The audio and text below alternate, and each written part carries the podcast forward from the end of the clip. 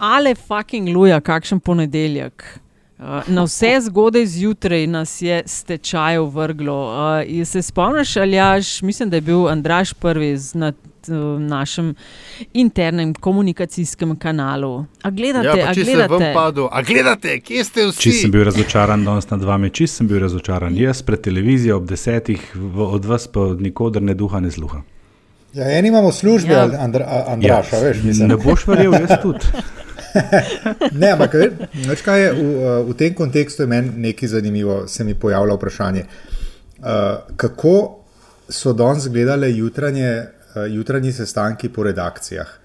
A veš, ko smo se pogovarjali kar tam o enih stvareh, pa pa prideš sestanka uh, in ti butne najprej, da je odstopil uh, finančni minister, in potem čez pol ure, ko se sprašuješ te pol ure, kako bo zdaj šart zapolnil op obrambnem še finančnega ministra, butne pa še bam, še šarč odstopil. Ne? A ni dobro to?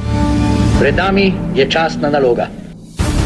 Nič več ne bo tako, kot je bilo. Več afer, kot bodo sproducirali, bolj bom grizla in sekala lovke. Prva stvar je neenotnost opozicije, in druga stvar je neenotnost svetovnih velesil. Ker se jebi ga, nekdo mora boriti za otroke. Ko bom imel kaj več zapovedati, pa bom tudi to tudi Pa bom spet eh, s prispodobo udaril, da ne bo izpadel nekonsistenten. To je LDGD, podcast, ki nikogar ne podcenjuje in ničesar ne jemlje preveč resno. V imenu svojih najbližjih in v božjem imenu vas pozivam na lov. Te razprave ne bom nadaljeval, pa ne zato, ker ne bi bil poguben, ampak zato, ker eh, nisem neumen. Odstopil je na vse zgodaj zjutraj uh, ministr za finance, kar se je nakazovalo že um, prejšnji petek, oziroma ja, zadnji petek, eh, na kar je kmalo za njim bila sklicana še novinarska konferenca premijeja Šarca, ki jo je začel, evo, no, to, ta del pa je bil zanimiv, ker ko začne nekdo naštevati, kaj vse smo naredili in eh, česa, um, čemu lahko rečemo hvala, kaj je bilo dobrega in tako dalje, veš, da bo utegne slediti uh, kakšna bomba in res je bila, odstopil je še on, pozval k, k predčasnim volitvam. Andraš, izvoli. Točno to, kar si rekla, tako je izgledalo. Ko je on začel govoriti eh, med tistimi, ki smo to gledali živo, seveda lahko opisujemo tudi živetje. Uh, se, je meni en flashback spustil v zadnje, kar naenkrat sem videl Cerarja in eh, v tistem trenutku mi je šla skozi glavo samo ena misel, čakaj mal, čakaj mal, ne. tale šars bo meni zdaj dan na glavo obrnjene. In še preden sem utegnil tweetati karkoli, je že, je že povedal, da je odstopil. Ker v trenutku, ko je začel govoriti o digitalizaciji in podnebnih spremembah, je bilo jasno, kam, kam gre cela zgodba. Ne. Drugač pa, kot sem danes samo enkrat povedal, uh, jaz sem bil presenečen, pa ne vem, če je bil gle kdorkoli v tej državi, ki ni bil. Uh, ta prerogba, zdaj lahko rečemo prerogba Janeza Janša, se je uresničila vsega v dveh tednih in po mojem je bil tudi on presenečen, da se je tako hitro. Jaz mislim, da je prišlo do tistega efekta. Jaz sem pred časom, ne tako dolgo nazaj, omenil, da kaj pa če bo Šarec enega lepega dne rekel, no zdaj pa dovolj teh očitkov manjšinski vladi, evo grem jaz v, v koalicijo z Janšo pa z Toninom, pa boste imeli večinsko vlado. Ne? Skratka, tega drugega koraka ni storil, je pa on ga prvega, ne? jaz imam dostne. Ne, Bi bilo pa seveda čist preveč preprosto to razlagati samo s tem, kaj se dogaja v zadnjih dveh mesecih. Jaz mislim, da je ključna stvar tle, pa se premalo izpostavlja tudi v medijih danes, pa se bo morda celo skušalo čim manj o njej govoriti, je pa to, kaj se pravzaprav v LMŠ-ju dogaja. Moje prvo vprašanje po tej tiskovki, ki sem si ga zastavil, je bilo, s kom ali s čim pa bo pravzaprav šel Šarec na volitve. Zdaj je šla kar ena cela serija vidnejših imen v, v njegovem štabu, Sprav, cela ta gospodarsko-finančna linija. V zadnjem času, v resnici trije, zvečer smo videli še skoraj da tekmovanje, uh, še Bedrovo, kdo bo zdaj tisti, ki je v resnici prvi odstopil. Skratka, v LMŠ-ju se nekaj resnega dogaja. Jaz bi kar, mislim, da lahko v besedo razkol uporabo. Antiša, kako je pa pri tebi izgledalo? A tisto, kar si opisoval, je bil pravzaprav sestanek primorskih Ne, novic? ne, ne. Mi smo res imeli en sestanek že na vse zgodaj o pol devetih, en del uredništva, kjer smo se ukvarjali z vprašanjem oziroma z nekimi plani, kako bomo pokrili neke okrogle in manj okrogle obletnice v letošnjem letu. Med drugim tudi sto let, sto let požiga Narodnega doma v Trstu. Ne? In tako ti se pogovarjaš o nečem, kar se je, kar, kako boš pokril nekaj, kar je bilo pred stotimi leti, prideš sestanka, ti pa finančni minister. To je ure, resnično je bilo tako. Ne? Yes. Um, in, potem še, in potem še šarec. Ne? Ampak jaz bi se uh, mogoče navezal na, na to, kar je rekel uh, uh, Andraš, je uporabil besedo razkol. Ne? Jaz bi mogoče uporabil besedo razkroj. Ne? Namreč jaz bi ta uh, uh, končni čin odstopa uh, Marjana Šarca postavil v neko sosledje serije odstopov, ki so se njemu zgodili. Um, se pravi, najprej mu je odstopil. Uh, uh, visok in up... kaj? Kiran, no, pustimo, ma dobro, Kiran je že nekaj časa. Ne? Ampak recimo, če se tri tedne nazaj pogledamo, pa mislim, da nisem pretiral, pa je bil najprej Urlep, pa je bil potem Dragonja, pa je potem eh, napovedal odstop in ga ne predal, kolikor uh, smo seznanjeni, Karel Javc. Po je odstopil finančni minister, tam nekje vmes se je pojavil še zdravstveni minister, ki je bil eden od jokerjev od uh, Eh, predsednika vlade in je rekel, da je mu že dal eh, Bjanko odstopno izjavo. In uh, mislim, kje boš, kje boš zdaj iskal, mislim, kje boš dobil uh, norca ne, ali norkinjo, ki bo šel v teh razmerah zdaj na zdravstveno ali na obrambno ministrstvo. Ne. In ne samo to, tudi kako. Potem je, po mojem, rekel, ma jaz imam dosti, jaz se to ne grem. Mislim, trpel je, trpel je z uno bogo Angeliko Mlinar, ki se je zdaj uvrstila uh, tam uh, skoraj na sam vrh najkrajših slovenskih ministrov. Ne? Uh, zato, da je noter prpelo, zdaj bo šel pa, zdaj bo šel pa skozi isti postopek, pa za obrambnega, pa za unga. Uh, Antiša, pa finančnega rekel, ministra. Ko rečeš razkroj, ne, ta beseda je še težja kot razkolne. A ti ja. misliš na razkroj vlade ali na razkroj uh, v LMŠ-ju? Vlade, vlade. Jaz govorim, jaz govorim o vladi, ki pač ne, če ti v bistvu uh, ostaneš brez, dve, uh, brez treh, brez dveh de facto in brez enega v perspektivi ključnih ministrov, ne, potem kaj boš delal še? Ne? Potem, potem PR-ovsko odpelaš, oziroma PR-ovsko pač začneš pelati uh, uh, kako se reče, sporočilo, da si pripravljen delati, ampak s to vlado ne moreš narediti tizga, zaradi česar si postal predsednik vlade in pač greš. No, jaz, mislim, da to, jaz, mislim, da tudi, jaz mislim, da bo to tudi sporočilo, če pride do predvoljivne kampanje za predčasne volitve, bo to sporočilo. Ne? Jaz sem igral fair, sem rekel, ne morem, se nisem oklepal položaja in tako naprej. Res šarec druge možnosti ni imel, Pravzaprav, če tako pogledaš, tudi malo drugačni mogel danes odreagirati, razen samega sporočila. Kampanjo je pa v bistvu začel že na tej tiskovni, ne? se to smo prej omenjali. On je že govoril o projektih, ki bi jih morali speljati v naslednjem obdobju ne? in dajte mi zdaj to podporo na volitvah. Ne? Ne Ampak, Andraš, seveda, seveda bi lahko, veš, nekomu bi, nekomu bi zaupal ne vem, uh, finančno ministrstvo, da ga vod sam bi vzel v obrambo ali pa, obram, ali pa obratno, pa bi stisnil še par mesecev. Mislim, hočem reči, seveda je imel, vedno imaš te poslovniške ali pa proceduralne možnosti stvari malo drugače zapeljati. Ne? Ampak se odločil, da ti ne. ne odide ena pomembna ekipa iz vlastnih vrst. Ne? Še jaz mislim, da v trenutku, ko je finančni minister odstopil, čeprav ni član stranke, čeprav vem, ampak je pa iz njegove kvote oziroma iz njegovega tima, kako koli obrnemo, je že sam ta akt, je akt nezaupnice eh, predsedniku. Če ti finančni minister reče, ne iz osebnih razlogov, kot je bil Mramor, ampak zaradi konkretnega razloga jaz odhajam. Mislim, že, že tu bi bil dovolj dober razlog, če zanemarimo vse, kar se je dogajalo zadnje dva meseca. Ne. Dobro, sem po drugi strani pa gledaj, veš, um, Borod Pahor 2.11 se je v klepu položaja tako da so ga morali tako rekoč odnesti iz pisarne. Pač, ni se dal dopovedati, da je njegova vlada klinično mrtva in je kar ustrajal z nekimi bizarnimi opcijami. Da, tukaj pač ima Anteša prav, ne? nek predseden za oklepanje položaja in izmišljanje nekih upravičen, da se ta farsa nadaljuje. Um, tega je pač pol. Ne, jaz mislim, da je bila to šarčeva investicija. Uh, to, bila, to no, kar je danes naredil, je bila šarčeva investicija v to, kar bo zdaj delal v naslednjih um, dveh, treh mesecih uh, do volitev. Mislim, je pa to. že sam v bistvu z tem govorom, ki ga je imel, zelo jasno pokazal, kakšno je njegovo dejansko občutenje tega, kar se je danes zgodilo. Uh, ni bil videti precej gotov, bil videti, po mojem, ko sem jaz ga videl, precej jezen. Uh, jaz mislim, da se on točno zaveda, kaj vse je tukaj trenutno na kocki, kaj tvega. Veš, tudi ta poziv takoj, oziroma on je kar povedal, smo se pa tudi sprašvali, smo prav slišali, kako izpadle, tako da je on že zmenjen s počivalškom, da bodo skupaj nastopili na volitvah, pa se je pa izkazalo, da to ni čisto tako. Uh, med drugim je razglasil Ilinčiča za enega najbolj državotvornih politikov trenutno v državi, kar je presedan, totalen, ne, tega ni noben politik v 30 letih izjavil, kaj šele predsednik vlade. Uh, in, in, in še tretja stvar, ki je marsikdo spregledal, se mi zdi, poziv vsem strankam, ne, da so vrata odprta, tudi manjšim strankam na lokalnih nivojih, inicijativam in podobno. Tako kot en klic k neki uh, podpori uh, nekemu projektu narodne rešitve, če zdaj pa demo skupaj stopiti, pa to uresničiti. Meni se to zdelo v resnici precej obupano. Ne.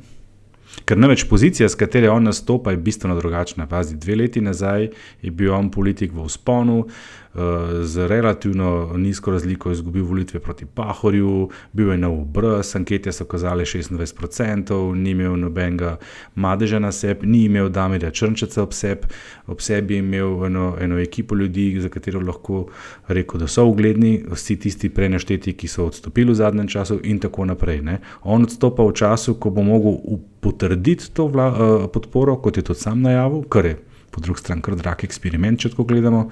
Veš, jaz sem pa takoj se spomnil Cerarjevega odstopa. Cerarjev odstop je bil bistveno bolj odločen, kot sem ga jaz takrat videl, in on je s tistim takrat obrnil krivuljo na vzgor. Ne.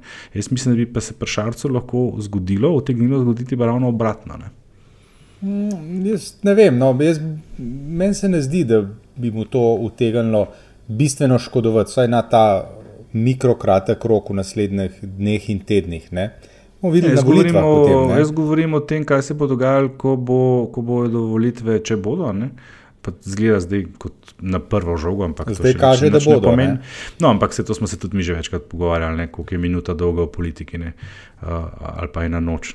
Zveda so danes vsi govorili, da ja, gremo na volitve, ker ti to malo izboljša pogajalske izhodišča uh, ob merovitni koaliciji novi. Ampak ko bo prišlo, če bo prišlo in bo pa ho rekel, volitve so takrat in takrat in prva naslednja anketa bo pokazala dejansko, koliko je ura. A veš, zakaj jaz mislim, da bi se ta, uh, ta podpora uspela, utegnila, ne uspela, utegnila se sut v prah? Zato, ker je po eni strani to se že zgodilo takrat, ko so bile okoliščine za me bistveno bolj pozitivne, kot so zdaj to, kar sem prej naštel, se ne bom ponavljal.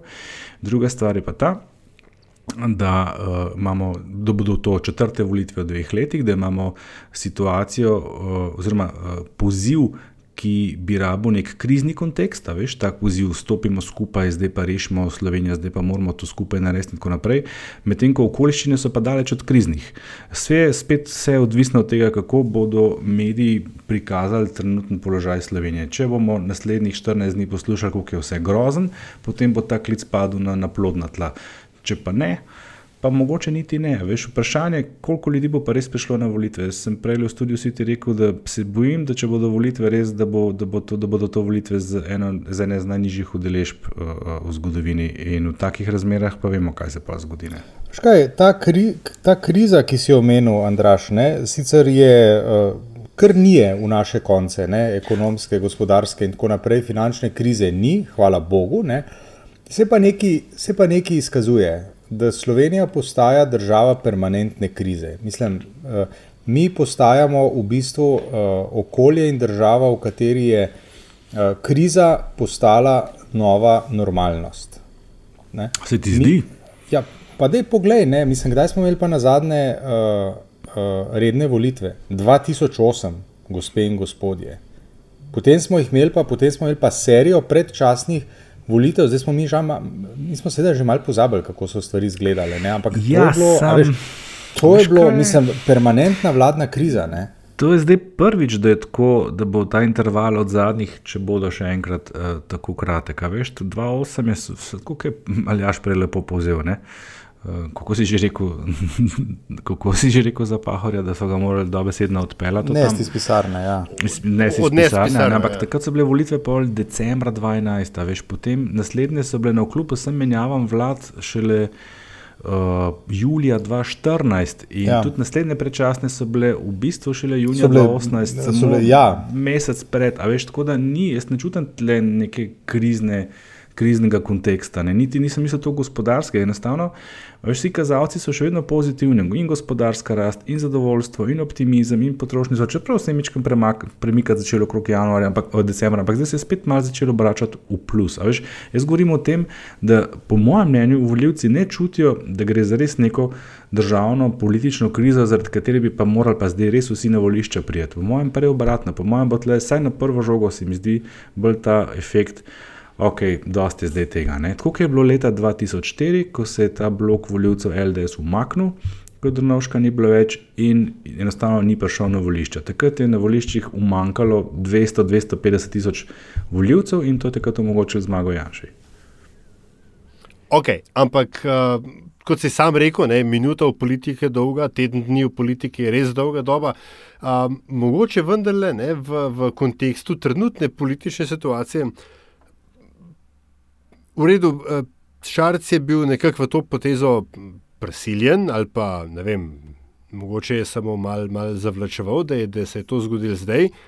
Um, Karler Javca ni več. Um, NSI je, ima kar precejšnje težave v smislu medijske podobe zaradi um, te bedarije s Knausom.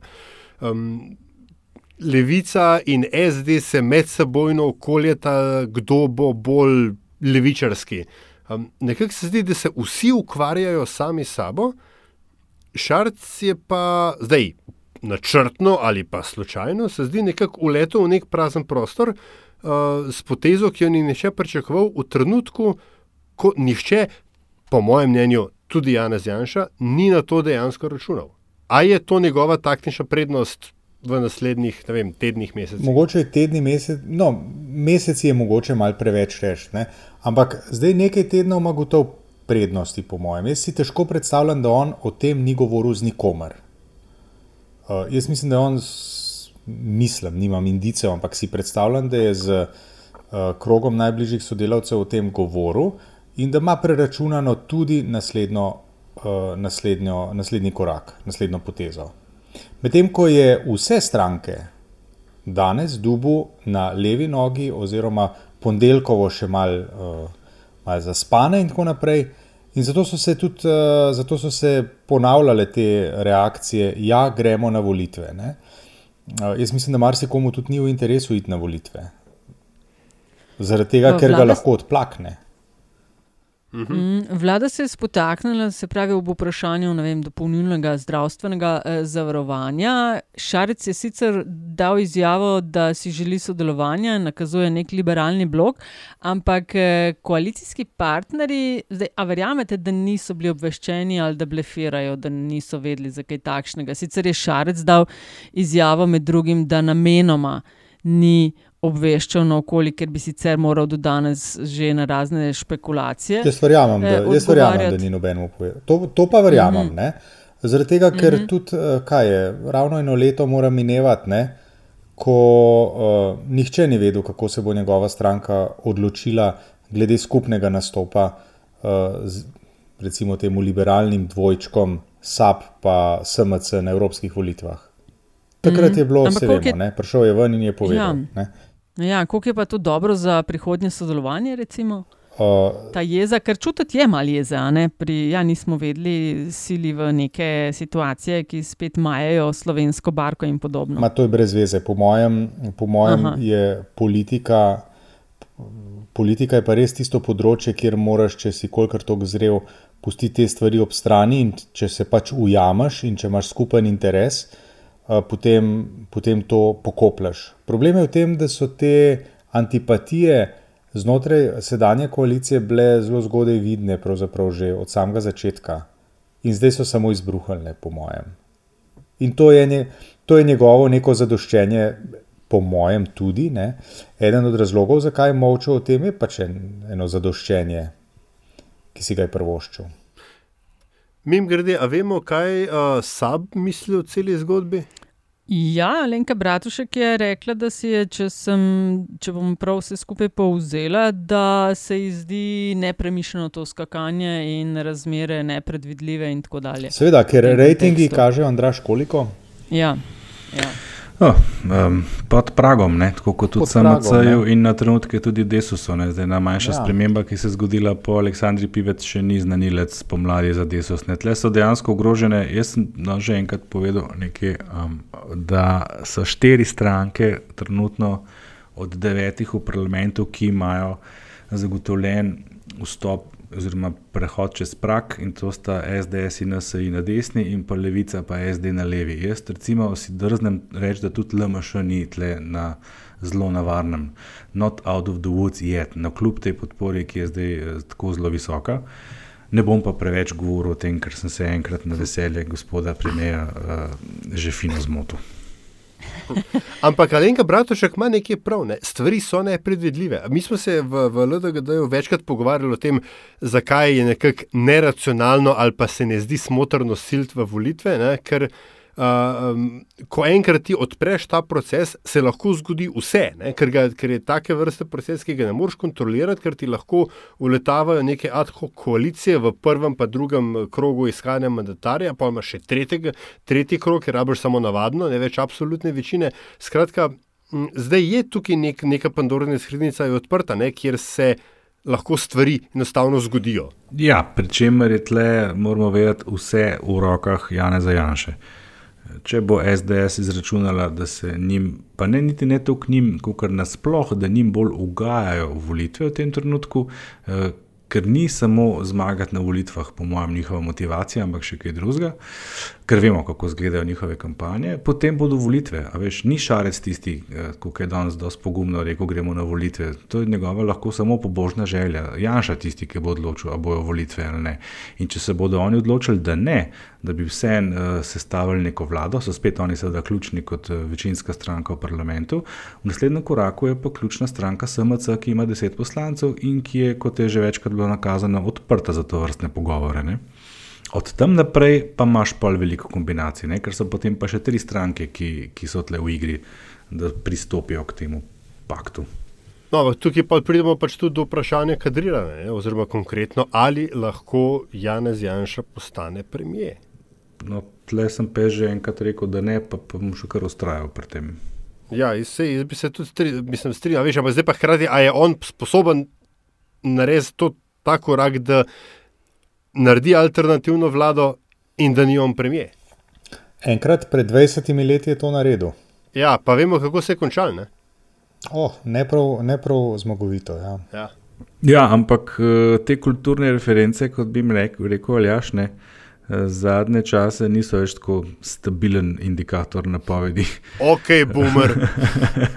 je, ja, so mal težki časi, a ne, ja, Andraž, za Šarec je vnesel tudi to novost, ne, da se stvari mal drugače odvijajo, kot so se nekoč. Pa ne zdaj on osebno, tudi sam s tem, da se je že pojavil v resnici, se že, mm. že njegov, že njegov prvi pri, prihod na, na ta trg je bil. Uh, en, en svoj vrsten pretres tega političnega mm, trga. Bomo Bomo pa v naslednjih dneh verjetno res vedeli, kaj več, katera od teh dveh kombinacij, v katerih se največ, eh, oziroma od eh, dveh scenarijev, v katerih se največ ugiba, bo bolj verjetna in sicer ali vzpostavitev to, kar smo zdaj omenjali, neka nova koalicija, nova razmerja sil ali predčasne volitve, ampak tako kot je Antiša že namignil. Um, verjetno niso strankarski bloki, da jih ne gre imeti kot trdne in enotne, ker za marsikaterega poslanca bo to leto in pol, ki ga je preživel na tej poziciji, verjetno zadnje. Ne? To pa so kar udobne in razmeroma spodobno plačene službe. A se znajo zgoditi kakšni preskoki zdaj, last minute, v kakšne stranke? A veš, da ne bo nujno, da bo ne vem, SMC bi pa šel na predčasne ali pa ne bi šel, pa kakšni bojo vmes prestopali, enako v Desusu, kjer eden, vemo, visi uh, eh, SDS in NSI sta verjetno kar stabilna, SNS tudi vprašanje. Ne? Ja, v politiki pa mogoče, če smem tako reči, še posebej v slovenski. Neka načelnost ni prav visoko cenjena, niti prav zelo pogosto prisotna vrlina. Tako da jaz tega ne bi, eh, ne bi izključil, bi se pa vprašal, eh, oziroma se je treba vprašati, kaj je tisti motiv, zaradi katerega bi eh, posamezniki ali posameznice morda lahko, kot si rekla, Nataša, v zadnjem trenutku preskočili iz tabora v tabor. O motivu se je treba vprašati. Potem pa, če imamo dober motiv, pa pa res to ni noben problem. Se da zmenta, ne? Oh, z lahkoto. A jih, man, a jih manjka takih mojstrov pri nas? Tudi ne rabijo pristopiti v resnici. Vse, kar rabijo, je samo pač ne glasovati v skladu z, z strankarsko dikcijo, ker še nekaj je pa vendarle treba povedati. No, se mi se gremo počasi pred koncem, ampak tudi alternativna vlada, če bi nastala, bi bila po mojem mnenju ravno tako pohabljena v štartu, kot je bila Šarčeva. Uh, uh, in in uh, bi stežka vladala, in, in ni rečeno, da bi pač pregurala ona do konca ja, mandata. Še ena referenca, ne? spomnimo se zadnje Janševe vlade. On se je zagotovo dobro spomnil. no, pa še na ta en problem. Ne? Do konca leta sicer uh, naj bi bilo vse še ok, ampak zakon o volitvah ne? in posodabljanje tega. To je pa, mislim, da pa pa z današnjim dnem postalo pa vse. Ja, vidiš, jaz pa mislim, da ne. ne? Misliš, da se ga bojo lotili zdaj? Mislim. Bilo bi lepo, če bi se ga. In mislim, da bi bilo odgovorno do nas, do, do nas kot voljivcev, do ustavnega sodišča kot inštitucije, in v končni fazi tudi do parlamenta kot predstavnika suverena, ker pač vemo, da je klep ja. problem. Ustavno sodišče je reklo, da je klep problem. Razumem, da je legalnost, legalnost zakona ni sporna obstoječega. Jasno, ja, bilo bi tudi lepo, če bi snežilo januarja. Ne pa, da morajo tam sneg. Rabim samo sred februarja, samo za počitnice rabim sneg. No, pa vse takrat. ja. Ampak ja, glej, mislim, ja, verjetno se tega pač ta hip ne bo nišče lotil. Mislim pa, da bi. Če, če pa ne bojo, bo seveda pa bo to kar precejšna palca, s katero bo lahko konkretno trenutno opozicija tepla trenutno koalicijo češ, ne, v kakšnih razmerah sklicuje volitve. Ne, je pa, je pa Janša to že kar konkretno danes povedal, da, da on ne vidi tle čist nič spornega, da se volitve speljejo po tem zakonu. Mhm. To se mogoče pa zares zgodijo. Uh, Demo za konec, mogoče sam še to, se pravi, vse ali pa zelo veliko večino je ta poteza danes in odstop finančnega ministra Bertoncla in kasneje odstop premijeja in potem vlade oziroma poziv k predčasnim volitvam presenetila. Dva scenarija v igri, ali bo neka alternativna vlada ali uh, predčasne volitve na kaj je treba, ker naslednji dnevi bodo verjetno ključni, na kaj treba po vašem paziti, na kaj treba biti pozoren, ker zdaj bodo seveda vsi dejali sto in en intervju in se bo dalo mogoče. Uh, Kaj razbrati? Jaz bom z velikim zanimanjem pričakoval, oziroma že zdaj pričakujem uh, prvi komentar predsednika, vla, uh, predsednika republike. Jaz mislim, da zdaj je on tisti, ki je na potezi, ker on se bo pač verjetno moral odločiti, po kateri poti iti. Se pravi, ali izigrati tiste postopkovne možnosti, ki so, se pravi, prvi krok, drugi krok, 14 dni, 10 dni, zdaj na pamet ne vem, ali pa razpustimo parlament, gremo na volitve. Ne? To, po mojem, mene bo to zelo zanimalo. No? Poteze in komentarji predsednika republike. Jaz mislim, da bo potreba malo eh, med vrsticami brati Pa niti ne pričakujem zdaj nekih strašnih udarnih intervjujev. Mislim, da bodo vsi majčkano razmislili. Ker, eh, še enkrat bom povedal, ne, vse je odvisno od odločitve SDS. Zvršni odbor njihov bo o tem odločil četrtek, do takrat bo v bistvu vsaka poteza preuranjena z tega vidika gledano. In po mojem bodo vsi mečkani en drugega opazovali, vsaj do takrat. V četrtek bo pa znano, ali bojo volitve ali ne. Okay, se pravi, čakamo Pahorja, ki je že večkrat uh, bil precej kritičen do stanja v tej vladi in četrtek na sejo SDS-a. Tako je. Tako je. je. Zdaj, zadnjih 30 se sicer nimamo, ne. Ne, ampak ne, to je emergentno. A se, a se kdo od vas upa... poziva na donacije ni bilo, to treba povedati. Ja, okay, ampak a, a, se, a, se od, a se kdo od vas ali pa od nas upa napovedati, kateri od dveh scenarijev se bo uresničil? Jaz sem bil, po mojem, že prej dosti jasen, da se pod Šarčevo ero ne grem več napovedi. Sploh. Sploh ne, veš kaj se mi zdi. Lej, je, okay, kaj bi pa bilo boljš za Slovenijo? Uh, uh. To je pa zdaj zelo počevalško ja, to rekla. E, ti dam en retrospektiven odgovor. Za Slovenijo bi bilo najboljše, če leta 2008 ne bi Pahor zmagal za 12.000 glasov. Ker od takrat okay. naprej imamo nestabilnost in anti-anša glasovanje, in posledično nestabilne vlade in predčasne volitve, in, in tako naprej. Not a popular idea, vse vem, ampak tle sem pač zelo nepristranski. Ne, ne, vse je v redu. Lej, pa še par dni nazaj smo razpravljali, kako bomo v prihodnje v epizodah podcasta LDGD uh, imeli neke vrste dogodke meseca ali pa dogodke leta proti koncu. Ne. In se nam je zdelo, da bo ta poraz Erjavca in napovedani odstop nekaj, kar bo odmeval še in še. Evo, Dobro, že, že nova, Nataša, nov spisek. Še dodajamo na do konca januarja. ja, veš, kaj je to? ne, mene nič več ne preseneti. Jaz sem prejšnji ponedeljek prišel v studio City eh, po kongresu in ko sem komentiral, se je ko no, zdaj pa hvala Bogu nekaj časa, malo premora, se bom lahko kakšnim drugim temam posvetil, a ne. No, no in si bil spet ja. v studio City. Zjutraj pa je bilo. Danes sem imel Groundhog Day, isto je bilo kot prejšnji teden v petih studio, ob sedemnajstih, potem klic planeta, če lo ne, ne moramo ob šestih, a tam si se res, ja, tako kazanče, ja, tako kazanče. Ok, tako naprej. Groundhog Day, čisti. Andraš, če na ta račun ne dobimo kakšne investicije, pa pa to. Sam res. In mi dva z Andražem pice in piva. Skratka, podsukate nas lahko za rokav na Afna Pengovski, Afna Antisa Korjan, Afna Andrazus in Afna DC43. Vprašanja, komentarji, pritožbe in pripombe dobrodošli na infoafnametina.si oziroma tudi na ključniku LDGD. Hvala lepa za spremljanje, bomo veseli, če boste delili epizodo in se slišimo kaj pa vemo, kdaj. 7. Na... februarja, če ne bo še kaj prej vmes. Ne bo kakšna emergentna vmes. Na rednih, na rednih volitvah.